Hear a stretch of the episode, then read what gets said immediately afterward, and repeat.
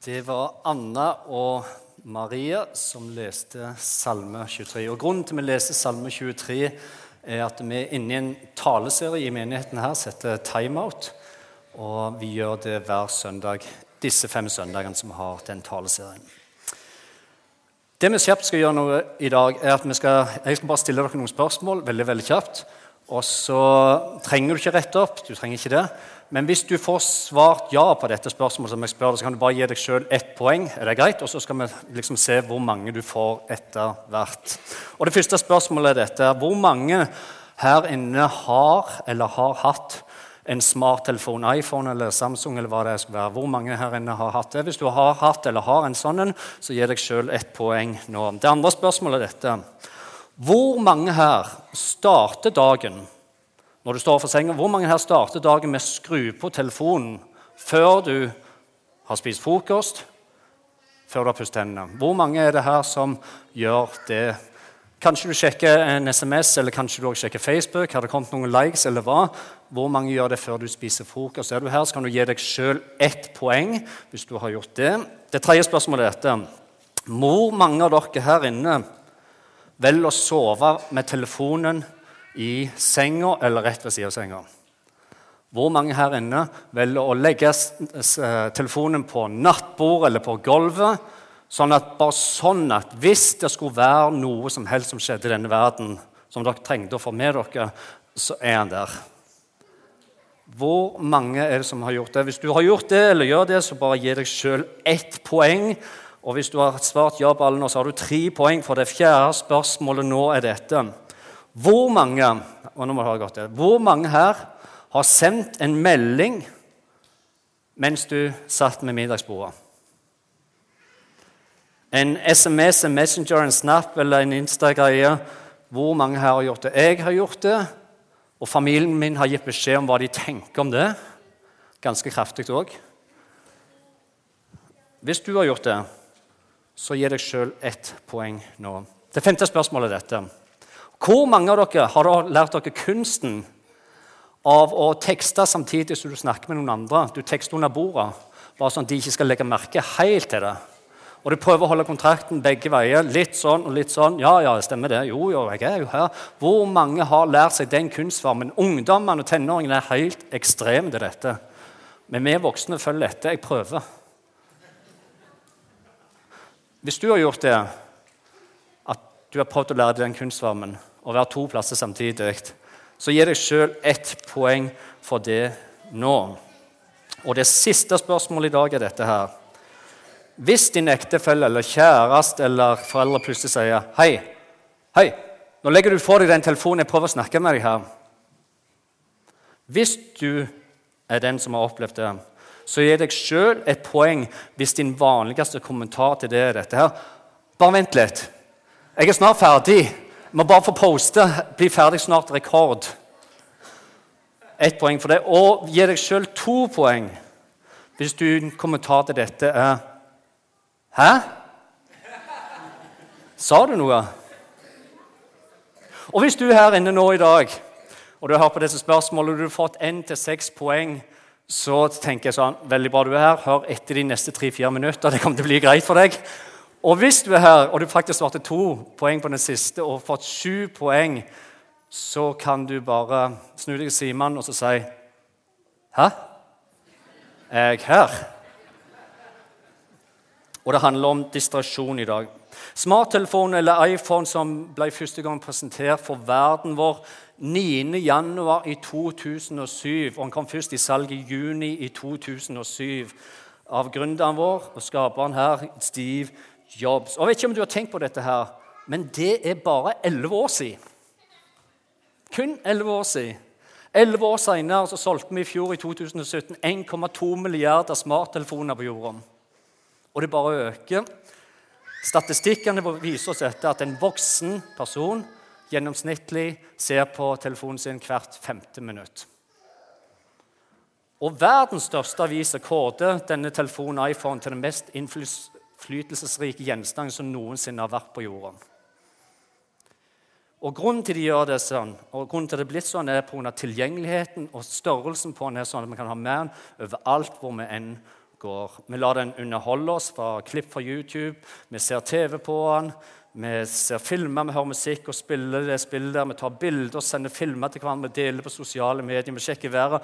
Og siden vi ikke lenger kjenner naboen så godt, så sjekker vi opp hva naboen har gjort i det siste, sånn at vi kan bli litt kjent med ham på Facebook osv. Hva spiste du sist uke, nabo? Når Apple lanserte iPaden må du ha godt etter. Apple lanserte iPaden, så spurte New York Times gründeren Steve Jobs om ikke ungene hans bare var begeistra og gleda seg over denne iPaden som kom. Og Steve Jobs' svar det overrasker ganske mange når han svarte dette. Vel, de har ikke prøvd det. Fordi vi setter grenser for hvor mye teknikk og teknologi våre barn får bruke hjemme. OK? Du som skapte den, setter grenser hjemme og har ikke engang fått prøvd iPaden, barna dine. Og hvorfor valgte han å sette sånne grenser for sine egne barn? Jo, fordi vi fullt ut ikke visste hva det gjorde med våre barn. Sean Parker, som er en av de første presidentene i Facebook, som har tjent seg søkkende rik på sosiale medier, han valgte selv å skrive dette her. Han skrev Gud vet hva dette vil gjøre med barnas hjerner. Og Bill Gates, som i en årrekke er rangert som verdens rikeste person, han tillot ikke sine tre barn å få en smarttelefon før de var 14 år gamle. Kom ikke på tale, sa han. Jeg vet ikke hva som kommer til å skje med dem hvis jeg gjør det. I 2006, før smarttelefonen ble lansert, så brukte en gjennomsnittlig ung voksen som hører, i 2006 så brukte en ung voksen ca. 1 12 time på nettet. I 2017 og 11 år senere så viser den samme statistikken at nettbruken vår har økt til fire timer hver eneste dag. Hvis vi raskt ganger gang det opp, så vil det si 24 timer i uka. Som igjen blir 1456 timer i året, som igjen blir 60 døgn i løpet av et år. Når min mor vokste opp, når min mor og far, mamma og pappa vokste opp, så hadde ikke de noen smarttelefon i det hele tatt. De hadde ingen nettsider, de hadde ingen internett eller sosiale medier uten at de var sosiale og faktisk møtte folk rundt seg sjøl. Og likevel, av en eller annen grunn, høre, så virker det som at de klarte å fylle 24 timer i døgnet. De sov sånn som vi gjør. De lagde mat og de spiste mat sånn som vi gjør. De spiste frokost, middag, kvelds. De reiste til fra jobb og kom fra jobb med transport. De kjørte og henta barn, de jobba og de stelte huset sånn som vi gjør. og alt er sånn som vi gjør. De hadde lekser med unger, de jobben skulle gjøres, de leste avis og så på TV. De gikk en tur og hadde det sosialt med venner og familie. En sånn cirka gjennomsnittlig uke. Og Det enkle poenget er dette at de òg fulgte 24 timer ganske fullt, og de var slitne når de la seg om kvelden. Det vi for elleve år siden fikk i tillegg til alt dette her, var denne. Og Nå vet jeg ikke hvor mye tid du bruker på den, og det er ikke sikkert du bruker fire timer eller mer, men det er gjennomsnittet. Men det denne prøver å gjøre, er at han på en måte prøver å presse seg inn i alt det andre og si jeg skal òg ha noen timer hver dag. Og Spørsmålet da handler mer om hva som skyves bort, og hva som blir tidstaperen i vårt liv når denne får mer og mer tid. I Bibelen og Lukas evangelium 10 så står det en historie om to søstre. Det er Marie og det er Martha. Og Det står ikke noe om smarttelefoner her, og det står ingenting om Facebook her, men det står noe om hva som er viktig å bruke tida på. Noen ganger så må vi kanskje bevisst si nei til noe for å faktisk skape rom og si ja til noe annet. Og Det, det, det, det er det denne historien forteller oss. Martha og Maria de får en dag besøk av Jesus. Og det er nå at Jesus han setter seg ned og stuer hos dem. Der Maria velger å sette seg ned og bruke tid sammen med Jesus. Der velger Martha å være på kjøkkenet og styre med all slags, all slags ting. Hva var det hun gjorde? Jo, det står dette. Martha var travelt opptatt med alt som skulle stelles i stand. Og det er ikke det at jeg forstår at hun ønsker å gi Jesus både kaffe og kake. Jeg forstår det. Selvsagt det vi også tenkt. Hvis Jesus kommer på besøk, så skal vi i hvert fall gi ham noe.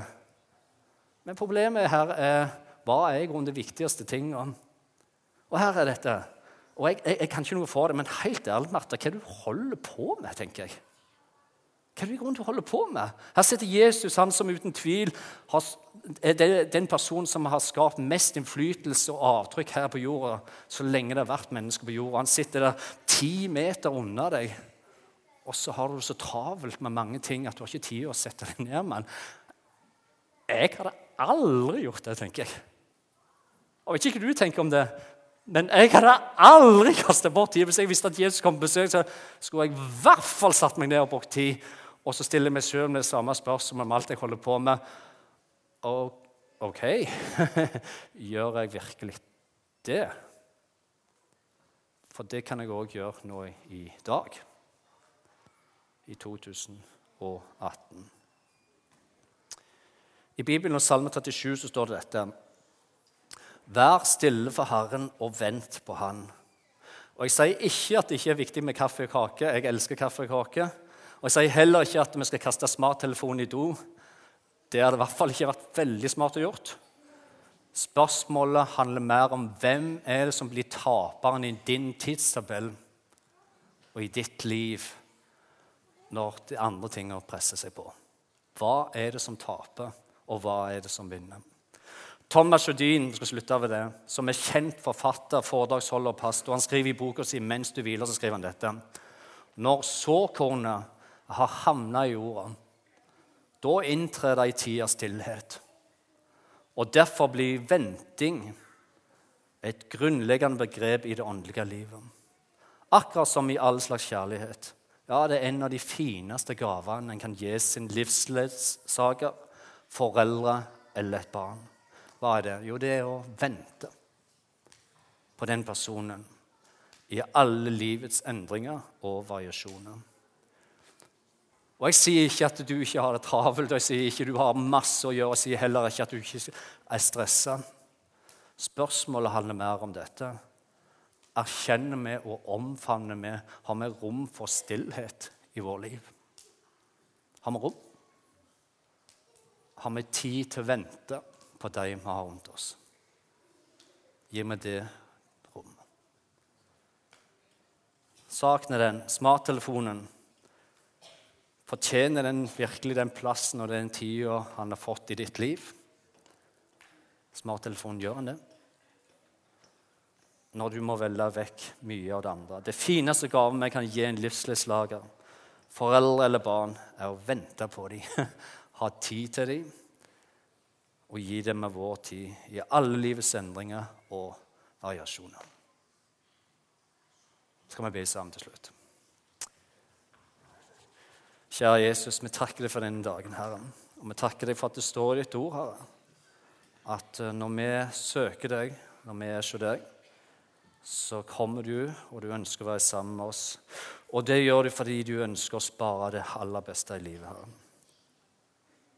Jeg sjøl må erkjenne og si det at det er vanskelig å kjenne på stress, og en kjenner på krav, en kjenner på tempo, en kjenner på alle ting som skulle vært gjort her. Må du hjelpe meg og hjelpe oss andre, vi som er foreldre, og vi som er besteforeldre, til å ha tid til å vente, til å ha tid til å ha stillhet. Hjelp oss til å prioritere det viktigste av alt, det som vi elsker mest i vårt liv. I Jesu navn. Amen.